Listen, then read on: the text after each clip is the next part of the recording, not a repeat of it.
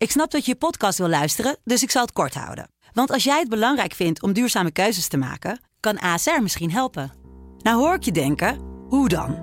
Nou, bijvoorbeeld bij het duurzaam herstellen van schade. Of de premies die we beleggen volgens ons duurzaam beleggingsbeleid. Dat bepaalt waar we wel en juist niet in investeren. Wil je meer weten over welke duurzame keuzes ASR maakt? Ga dan naar asr.nl slash duurzame keuzes. ASR doet het. Zo, dan kan je nu lekker naar je podcast luisteren. Wat is er met jouw eh, crypto's gebeurd de afgelopen dagen? Ja, die zijn heel stabiel. Ja, ja, die waren nul en die zijn nul gebleven. Dus eh, dit is een soort vlakke achtbaan. Ja. Dat is precies de achtbaan waar ik van hou. Ja, want ik denk, eh, Martin Visser is hartstikke blij. Die zit altijd te mopperen over de Ja. ECB. Oh, die ja, veel ja. te veel geld Ja, in maar ik klink ook een beetje als een centrale bankier. Zo klinkt ik als ik blij ben. Dit is Kwestie van Centen. Een podcast van de Financiële Telegraaf met Martin Visser en Herman Stam. Hartelijk welkom. Ik wilde zeggen, buiten is het eh, 30 graden en binnen voor mijn gevoel eigenlijk ook bijna. Het is een ander programma die altijd op die manier eh, beginnen, toch? Maar eh, nou ja, Binnen zit Herman zullen- Stam. Ja, tussen weten. Want eh, nou, we kunnen wel een kleine promotie doen voor een airco eh, in het hok. Heb ik zo'n vermoeden. Maar goed. We gaan moedig voorwaarts, want Zeker. we hebben heel wat te bespreken. De Fed, die eh, deze week zijn beslissing heeft genomen. La- nou ja, het was niet een grote verrassing meer. Maar goed, ze gaan de rente verhogen. De ECB heeft dat al gedaan. Al die gevolgen gaan we hier op een rij Ja. zetten met eh, Martin Visser. Eh, nou, dat eh, denk ik dat we maar één voor één moeten doen. Maar laten we eerst eens eventjes gewoon naar eh, Jerome Powell gaan, die die aankondiging deed. We at the Fed understand the hardship that high inflation is causing. We're strongly committed to bringing inflation back down, and we're moving expeditiously to do so. We have both the tools we need and the resolve that it will take to restore price stability on behalf of American families and businesses. Als je die Powell zo hoort, zat ik eigenlijk te denken. Wij, wij, hebben- wij hebben onze eigen Christine Lagarde. Ja. Wie, eh, wie eh, wint het nou eh, qua flair en dit soort aankondigingen? Van wie ga jij op het puntje van je stoel zitten? Nou, ja, als je dit zo luistert, heb je niet het gevoel dat je naar iets, iets historisch zit te luisteren. Nee. Dat kunnen ze bij de Europese Commissie altijd goed. Weet je nog, in onze tijd met Barroso.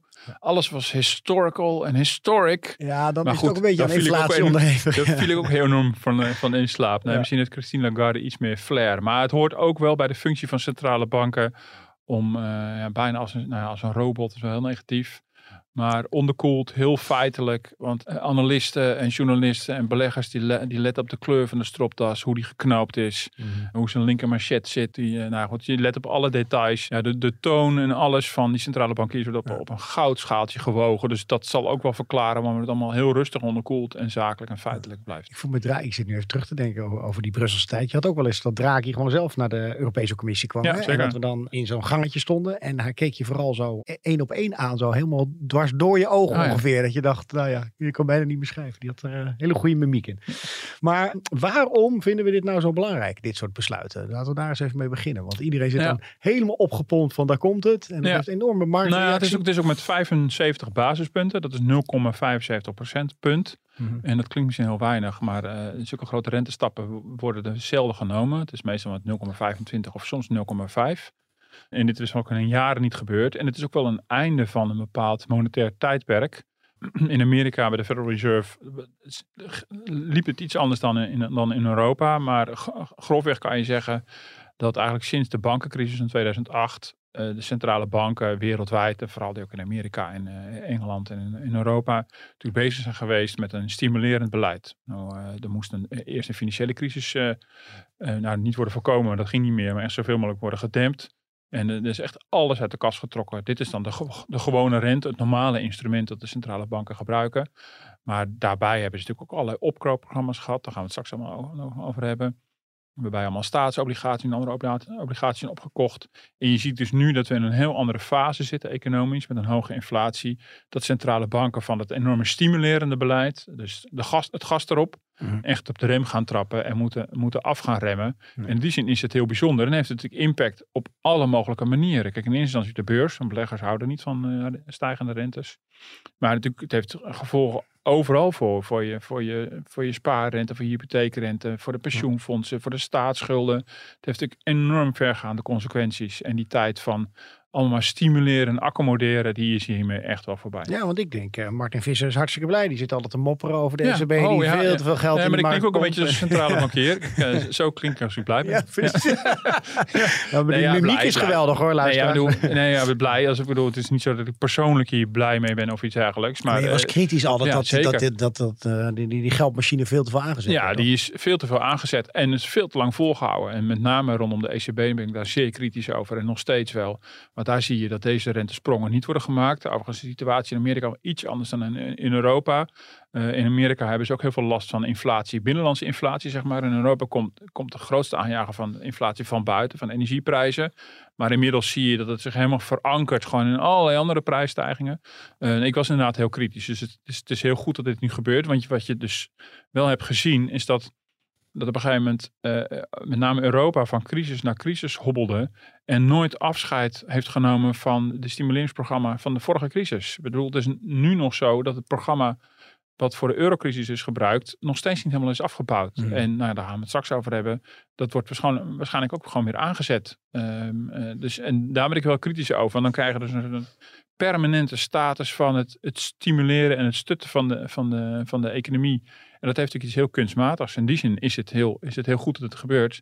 Sterker nog, eh, er is heel veel kritiek op, op beide centrale banken. Dat ze veel te laat in actie komen. Dat ze veel te lang hebben gesust. Het valt wel mee met de inflatie. En zo vaart zal het allemaal niet lopen. Nou, zo vaart loopt het dus wel. 8,6% inflatie in Amerika. Gigantisch. Mhm. Ehm, dus het is echt wel, eh, echt wel tijd dat hier eh, fors op de rem wordt getrapt. En dat gebeurt dus nu ook. Hoe, hoe kan het eigenlijk? Ik, ik, ik snap, het zijn, het zijn voor luisteraars waarschijnlijk ook hele kleine stapjes. En dat het zo'n enorm gevolg heeft meteen. Hoe, hoe, hoe, hoe leg je dat eigenlijk uit? Ja, dan- ja, nou ja, ik denk dat als jij kan kiezen tussen twee banken en bij de ene krijg je eh, 1% rente en de andere 1,75, dan ga je je geld ook verplaatsen. Nou, Mhm. En eh, in dit geval, de, de, de Amerikaanse centrale bank, die werkt altijd met een bandbreedte. In Europa heb je gewoon één rente, maar dan heb je een bandbreedte van 1,5 tot 1,75. Nou, ten opzichte van die 1,5 en 1,75 is een stap van 0,75 natuurlijk heel groot Mhm. geweest. Dus je moet het ook in die orde van grootte zien. En centrale bankenwerk is ook echt wel fine-tunen. Want het heeft natuurlijk impact op alle onderdelen van, eh, van de economie. Het heeft dus impact, wat ik al zei, op de spaarrente, maar ook op de rente die, eh, die ondernemers moeten gaan betalen als ze krediet vragen bij de bank. Dus op die manier werkt het op, op alle manieren door. En centrale banken, niet voor niks was Powell heel onderkoeld. Het moet allemaal geleidelijk en voorzichtig gaan. Het liefst dat mensen zich er ook op voor kunnen bereiden. Dat beleggers het hadden verwacht. Maar dat de economie het, eh, de economie het ook verwacht. Juist omdat de impact hiervan zo vergaand is. Eh, het is een radertje dat alles in de economie in beweging zet. En dat Mhm. is natuurlijk, ja, dat, daar geef je niet een keiharde zwengel aan. Dat doe je rustig en beheerst. En daarom zie je centrale banken ook alvast aankondigen wat er hierna gaat gebeuren. Nou, in Europa gebeurt dat precies zo. Want Dus Powell heeft al gezegd van dit was dan wel uitzonderlijk. Hierna is het wel met wat kleinere Ja, stappen. dat toch? is wel aangeven van wat ongeveer het pad zal zijn. En eh, niet heel exact, zodat je erop vastgepind kan worden, maar wel weer zodanig dat je ongeveer kan verwachten wat gaat gebeuren. En eh, nou, dat geldt ook voor Europa, idem dito. Waarbij vorige week in, in Amsterdam, toen de Europese Centrale Bank daar op schoolreisje was bij Klaas Knot, wel heeft gezegd: oké, we gaan in juli de rente met, eh, eh, gaan, we, gaan we verhogen. En er komen dan nog meer stappen. De renteverhoging van 0,25. En dan komen mogelijk komt er een grotere stap in september, afhankelijk van de inflatieverwachtingen. En Klaas Knot heeft er nog een schepje bovenop gedaan, onlangs in de internationale pers. Van nou ja, reken er maar op dat in, in november, december er meer stappen zullen volgen.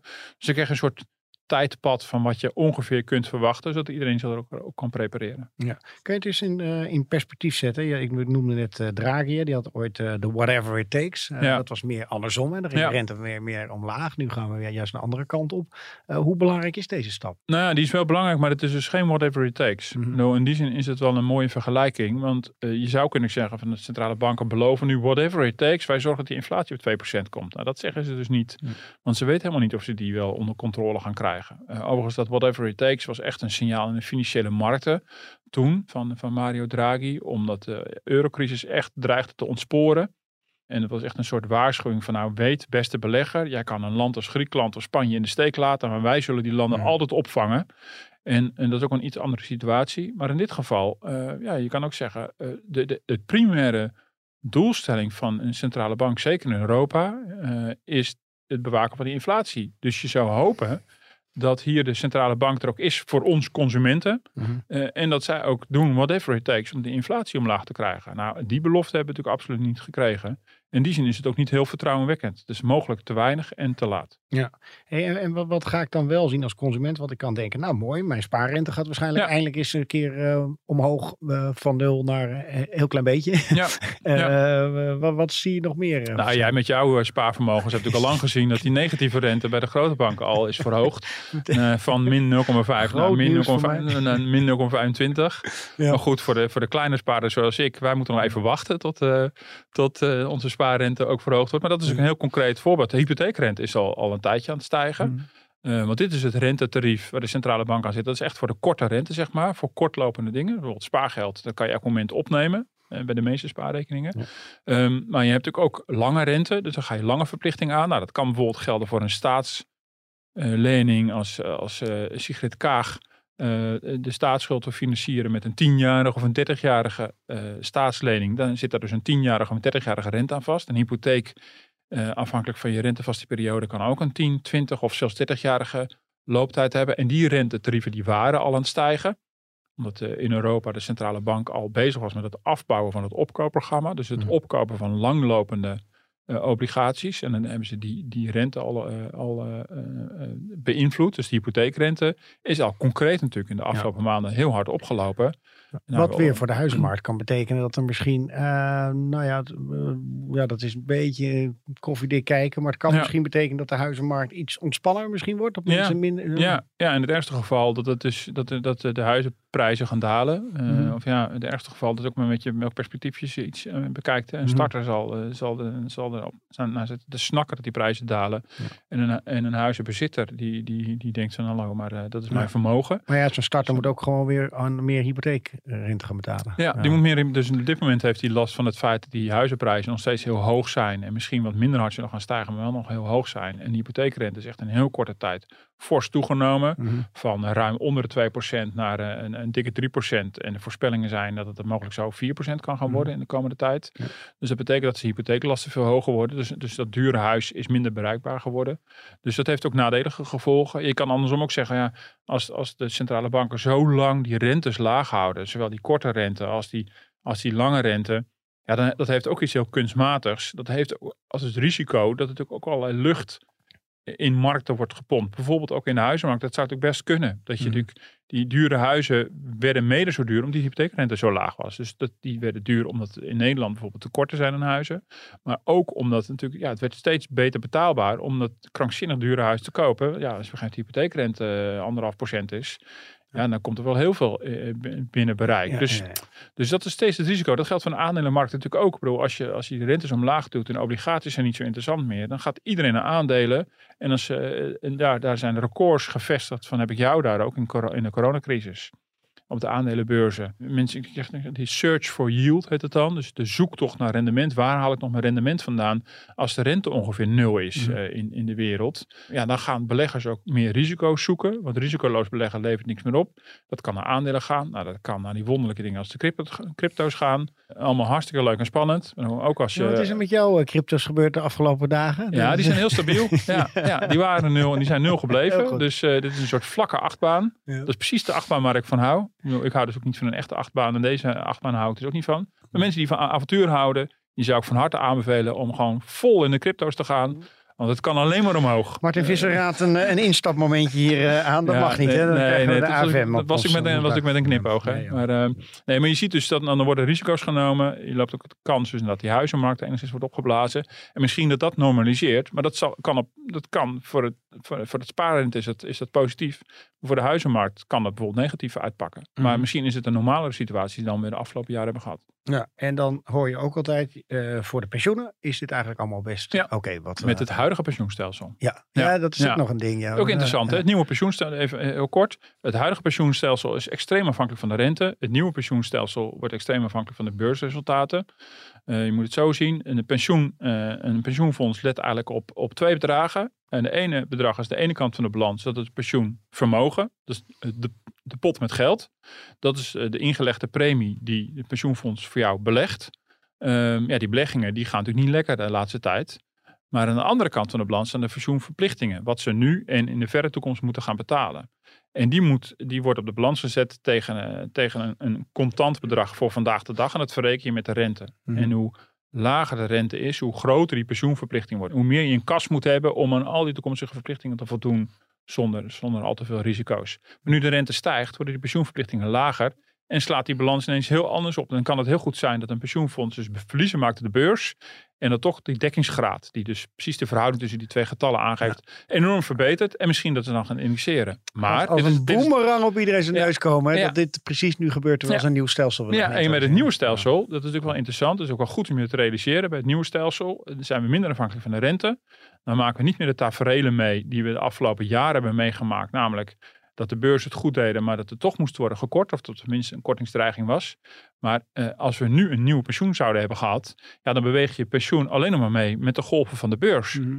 Eh, dus ja, is het een bumpy ride at de beurs, dan is het ook een bumpy ride voor jouw pensioen. Ja. En dat zal wel even wennen zijn, eh, want die onzekerheid, die zijn we tot nu toe niet heel erg gewend. Nee, er zouden heel wat mensen nerveus zijn geweest de afgelopen weken. Maar nu, op dit moment met de stijgende rente, is dus goed Ja, nieuws voor de pensioenfondsen.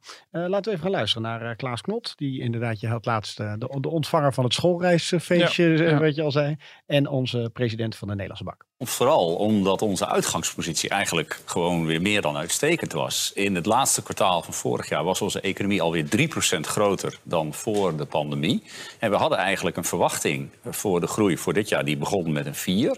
Nou, daar gaat nu echt wel iets van af. Eh, hoeveel, dat weten we nog niet precies. Maar ik denk niet dat we hè, op dit moment al over negatieve groeicijfers of zo zouden moeten gaan praten. Ja, dit is een fragment uit eh, maart. Ja. Eh, de tijden veranderen snel. Eh, vrij snel, ja. Vrij snel. Ja. Hij, eh, ik, wat ik er altijd ook van lees, dat mensen zeggen, ja, die recessie, eh, er kan heus wat aankomen, maar wat heel gunstig is, we behouden allemaal waarschijnlijk wel onze baan, omdat die arbeidsmarkt zo krap Ja, is. ja. Deel jij die visie? hangt een beetje van je baan af. Mhm. Nou, natuurlijk, de arbeidsmarkt is extreem krap. En die schaarste is echt niet zomaar weg. Misschien dat die extremiteiten er een beetje uitgaan als er inderdaad een recessie zou komen. Dat zou te kunnen. Maar je hebt ook best wel kans dat als jij een flexbaan hebt, een tijdelijke baan of een oproepcontract of je bent ZZP'er. Ja, als het dan net in jouw bedrijfstak even wat minder gaat, dat je als eerste aan de beurt bent om aan de kant gezet te worden. Dat kan natuurlijk wel degelijk. En dat zal zich dus eh, macro gezien niet meteen uiten in eh, gierend uit de hand lopende werkloosheidscijfers. Maar het hangt dus heel erg van af. Maar wat je natuurlijk wat er wel de verwachting is eh, van, van de meeste voorspellers, en het klinkt ook wel heel redelijk, is dat je mm, gaat zien wat we zagen bij de kredietcrisis. Toen namelijk in die periode 2008-2009 was natuurlijk een forse klap voor de economie. Heel heftig allemaal. Maar de werkloosheid liep in Nederland bijna niet op. Eh, mondjesmaat. Eh, toen waren we ook in een periode van kracht op de arbeidsmarkt. Inmiddels is het wel echt wel erger dan toen. En wat je dan ziet is dat, ehm, is dat werkgevers die houden dan eh, het liefst hun personeel vast. Want ze weten hoeveel moeite ze hebben moeten doen om, ze, om die mensen binnen te halen. Ze hebben in ze geïnvesteerd als het goed is. Eh, dus ze houden die vast met het idee dat zingen we wel uit deze crisis. En dan, eh, nou goed, dan eh, is er misschien wat minder te doen. De productiviteit gaat omlaag. En als de crisis nou voorbij is, dan zijn ze blij dat ze die mensen hebben vastgehouden. En dat zag je bij die vorige crisis heel nadrukkelijk.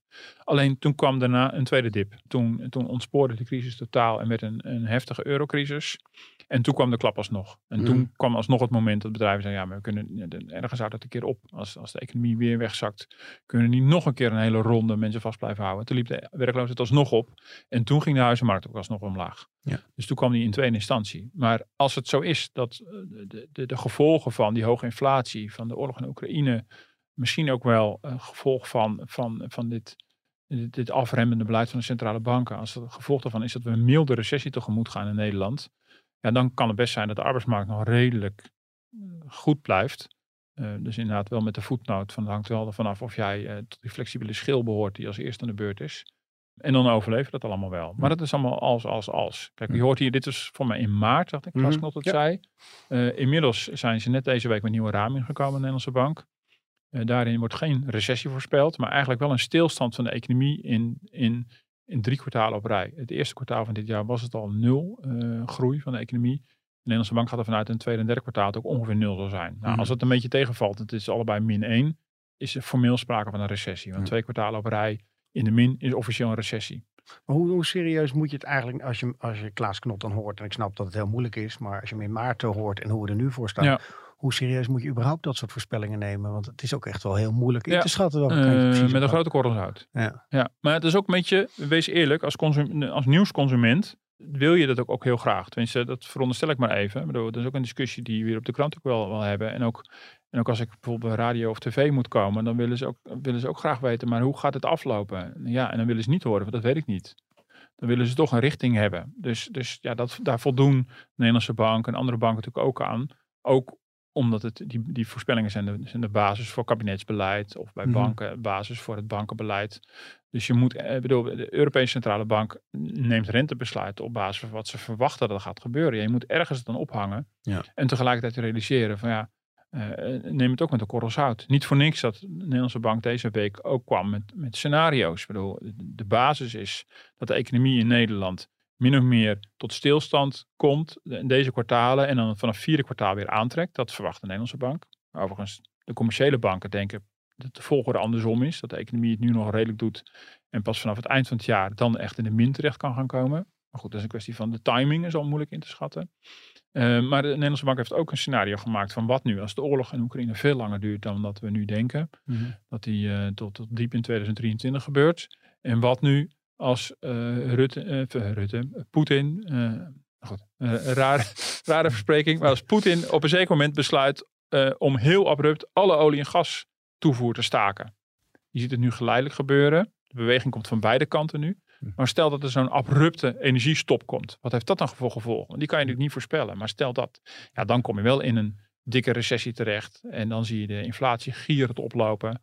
Uh, dus niet voor niks dat die scenario's worden gemaakt. Juist omdat je niet precies zeker weet wat er gaat gebeuren. En dan kunnen we die airco hier helemaal uh, vergeten. En dan, ja, ja. Nog... ja dan wordt het hier, uh, dan wordt het hier bloedheet. Nou, als, als het daarbij blijft, dan, ja. dan is, dat, is dat leed nog wel te overzien. Klein leed, klein ja. hey, jij, jij, zegt van nou, even terugkomend op dat whatever it takes. En dan zeg je van ja, ze doen niet echt een belofte om die inflatie te beteugelen voor de gewone consument. Nee. Vind je eigenlijk niet dat dat wel daarin hoort te zitten? Dat is toch eigenlijk een van de belangrijkste taken van Zeker, dat is de taak. Ja. In, in, de Europese Centrale Bank heeft formeel uh, alleen maar dat als taak. Dus ja. de inflatie uh, uh, op de 2% te houden. Daar hebben ze behoorlijk in gefaald. Ja, dat is een Federal Reserve. verzachte omstandigheden, dat snap ik wel. In Amerika is ook nog de taak erbij, ook wel economie, economische stimulans. Er wordt ook heel erg gekeken naar ook wat de werkloosheid daar doet. Ik denk dat het ook niet echt helemaal mogelijk is om dat precies te doen. Maar je zou wel zo'n soort boodschap verwachten. En ik vind het weinig vertrouwenwekkend dat, dat een hele poos de ECB net deed of het geen probleem was. Mm -hmm. Van ach, uh,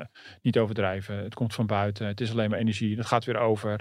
Ja, dat vind ik weinig vertrouwenwekkend. Ik bedoel, je kan niet beloven van we zetten hem op 2% en daar, daar, daar komt er niet meer vanaf. Mm -hmm. ja, het, het, ja, je zou haast denken dat ze zich meer zorgen maken over arme Italianen dan over alle andere consumenten in Europa die allemaal lijden onder die, die, die, die koopkracht. Ze zijn dus meer bezig met, met andere dingen, nou, met, met oplopende staatsschulden, de rente voor Italië.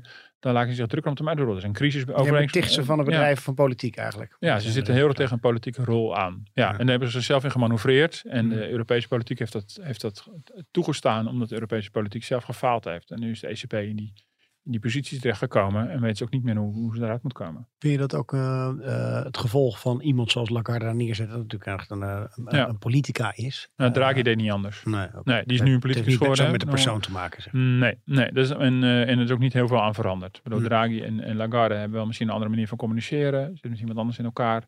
Maar het beleid is niet noemenswaardig veranderd. En ja, de ECB laat ook echt de verdenking op zich dat het aarzelend is met het rentebeleid, omdat het ook gevolgen heeft voor politieke gevolgen voor Zuid-Europese landen. Mm. En dat is precies iets wat je niet zou willen. Uh, je, zou, je zou willen dat die politieke gevolgen, uh, de, de, consequenties voor een land als Italië met oplopende schulden en een slecht draaiende economie, dat dat echt op het bordje van de regeringsleiders ligt. En primair op, op die van Italië zelf natuurlijk. Uh, en dat uh, ongeacht dat de ECB veranderde inflatie kijkt. Maar zo, zo, ja, dat, uh, ja, dat, zo is het dus al lang niet meer. Ja, laten we even voordat je hier verder op gaat, want daar ja. wil ik zeker op verder gaan, even naar Pieter Hazekamp luisteren. Dat is de directeur van de CPB en die zegt ook iets over een mogelijke eurocrisis. Ja. Ik weet niet of het nog belangrijker is, maar het is in ieder geval een groot verhaal. soms krijg je eerder gelijk met je analyses dan je van tevoren denkt. Wij hebben in eind mei hebben we onze risicorapportage financiële markten uitgebracht als CPB.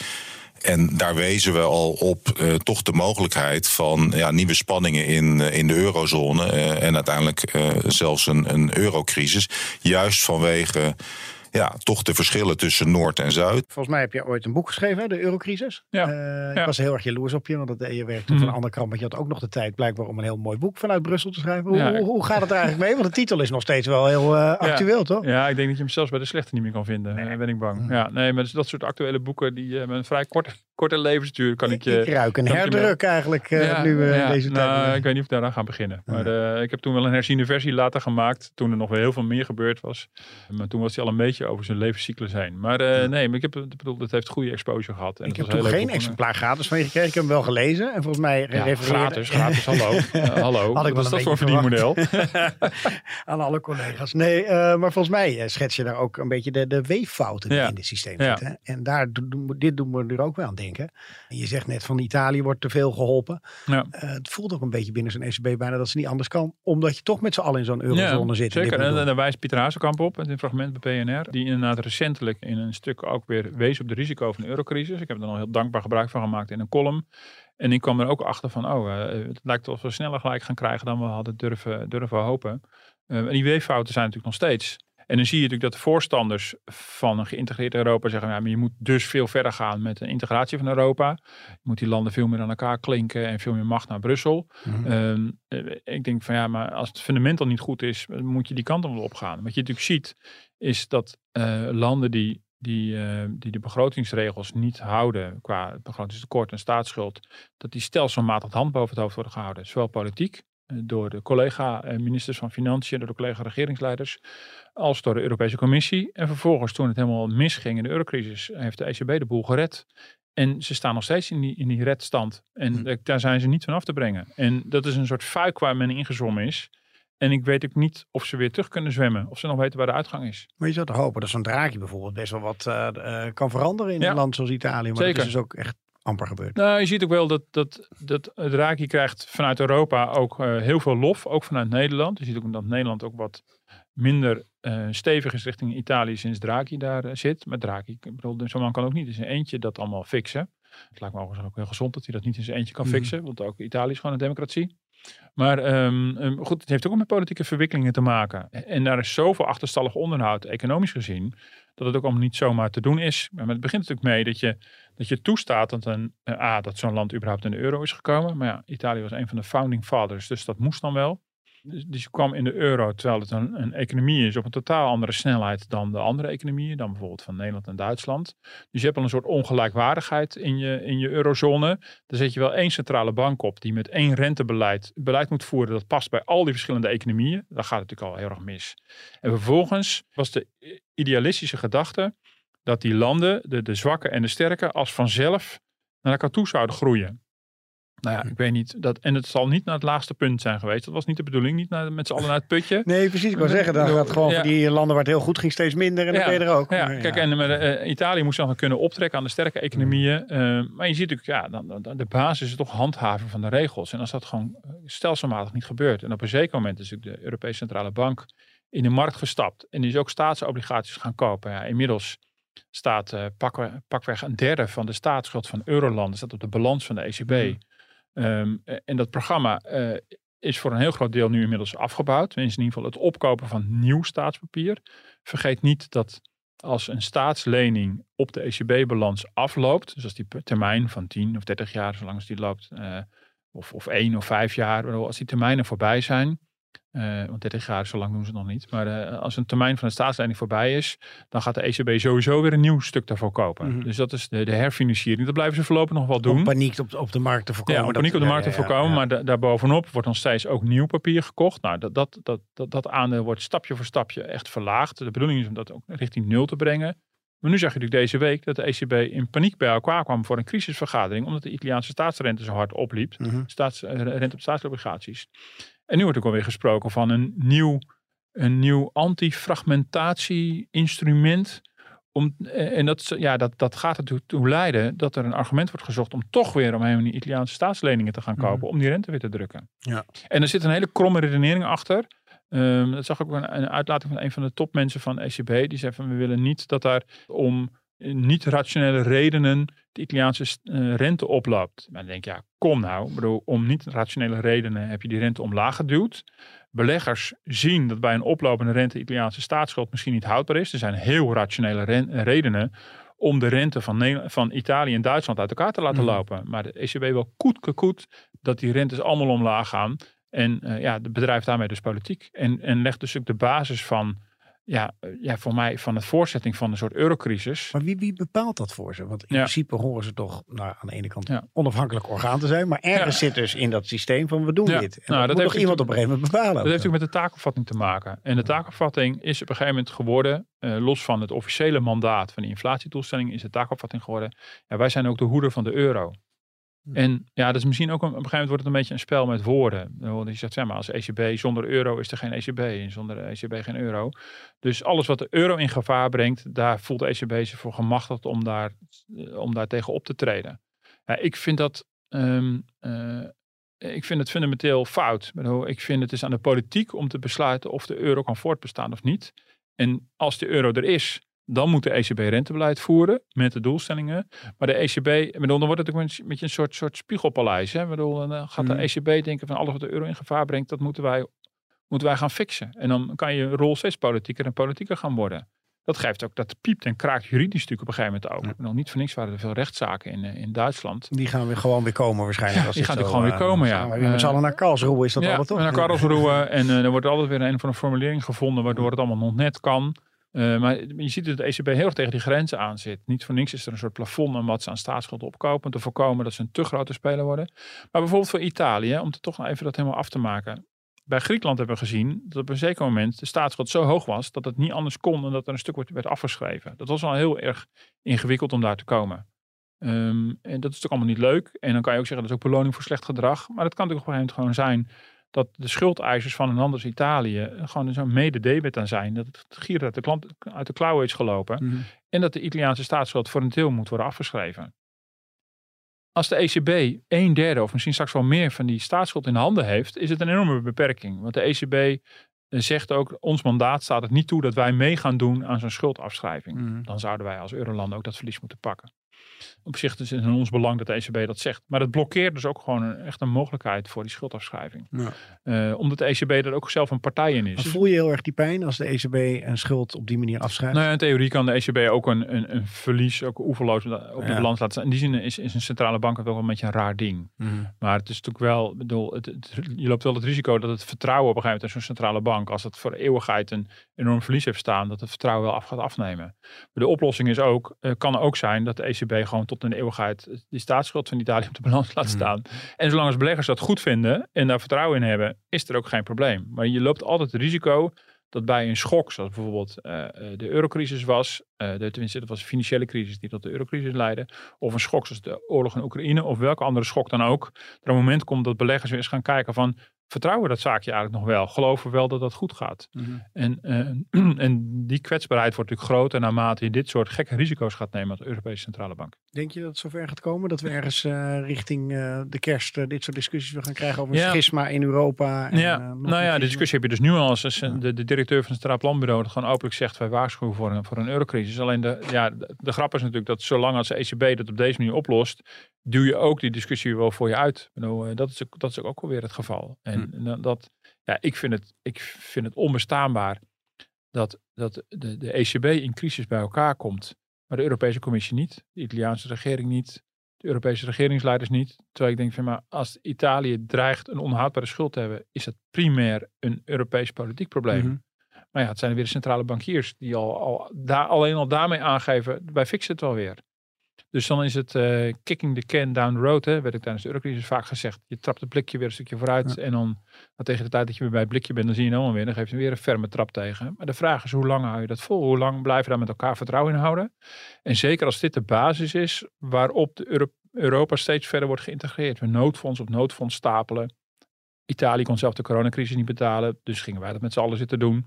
Nou, dat vinden we blijkbaar allemaal heel normaal. Ik vind dat politiek op een gegeven moment heel fragiel worden om op dit wankele fundament dat bouwwerk steeds verder op te stapelen. Maar goed, eh, blijkbaar is het voorlopig gewoon zoals het werkt. Nou, en wat ook wel veranderd is, is dat je, eh, we gingen er altijd heel ferm in als land, maar je hoort ook minder dat soort kritieken tegenwoordig, eh, Ja. ook van een, een, een kritisch land zoals Nederland. Ja. Ja, nee, dat is dus ook opvallend. En kijk, weet je, je kan ook zeggen van de, de directe financiële risico's zijn misschien beperkt. Het is echt niet zo dat de ECB ineens omvalt of iets dergelijks. Of dat we ineens enorm aan de lat staan voor Italië. Dat, dat, dat zal echt niet meteen morgen aan de hand zijn. Maar waar we het natuurlijk eerder over hadden, je hebt natuurlijk wel het risico dat de ECB niet het rentebeleid voert dat goed zou zijn voor Nederland. Ja. Omdat ze voortdurend kijken van oei, wat betekent het voor Italië? Oei, wat betekent het voor Spanje, voor Portugal? wat betekent voor Frankrijk? En dan heb je dus eigenlijk een zwakke euro, eh, niet als koers per se, maar een zwakke euroconstructie. Met een rentebeleid die niet goed is voor elk land, waarbij sommige landen altijd worden bevoordeeld. Helder. Nou, gelukkig na al deze opgewektheid hebben we altijd nog onze rondvraag. Ja, wie is er aan de beurt? Ik eh, weet dat jij een heel spannend weekend eh, tegemoet gaat in de Ardennen. Met eh 30 graden lekker eh, daar wandelen. En je, gaat, eh, je bent nog steeds eh, alcoholvrij. Ja, het dus, is, het is eh, een weekend met vrienden. Dat is ja. wel even van belang. En dit is voor het eerst dat ik het alcoholvrij ga doormaken. Dus ik ben heel benieuwd of dat, hoe ontnuchterend dat zal zijn. Ja. Maar, eh, ja, ja, dus eh, nee, maar het is eh, een mooi, een mooi weekend uitgekozen. Hè? Dus, Zeker, eh, ja. Een groot huis met een zwembadje erbij. Dus eh komt vast goed. Nou, dat is lekker. En, ik jij, had- en, en jij ja. hebt een boekentip toch? Ik moest eh, iets van eh, de, een Russische schrijver nu gaan voordragen. Toch nee, zover is het niet gekomen. Maar ik verheug me wel. Ik heb mijn eh, vaderdag cadeau al gezien. En dat mag eigenlijk niet. Maar dat bol.com, dat helpt natuurlijk ook niet mee. Dan weet, Oh, je, dan weet je wat er besteld voor je is. En ik weet dat ik Marcel van Roosmalen krijg. En dan oh, die ik dikke heel- pil. dan- oh ja, ja. Ik weet niet hoe ik hem ga vervoeren naar Italië. Ik denk dat Ja. ik een extra aanhangwagentje Ja. moet doen. Want het is nogal een, een extra koffer ongeveer die je meeneemt. Maar ik ben er wel helemaal klaar voor. voor Maar ik vond zijn optreden onlangs bij Bo al, al hilarisch. Waarin hij ook eh, vertelde over die reportages. Dus eh, daar ga je wel lol aan beleven. Ja, denk het ook. Ja. Da- dus daar eh, verheug ik me op. Dus het, is- nog niet de, de diepgang die jij denk ik wil, maar ik, ik bouw het langzaam op. Volgende week een nieuwe boekentip. het is goed, het is goed. Bedankt voor het luisteren. U kunt ons mailen op podcast.dft.nl en Martin gaat nog even vertellen hoe u duimpjes kunt geven. Ja, ja eh, vindt u deze podcast interessant, eh, leuk, fijn om naar te luisteren? Geef dan eh, duimpjes, sterretjes of, of wat dan ook. Of schrijf de- iets, dat ja, kan ik ook? Schrijf iets op de podcast app, een review. Dan zijn we beter vindbaar en een goede waardering we altijd op prijs. Zeker. Bedankt voor het luisteren. Tot volgende week.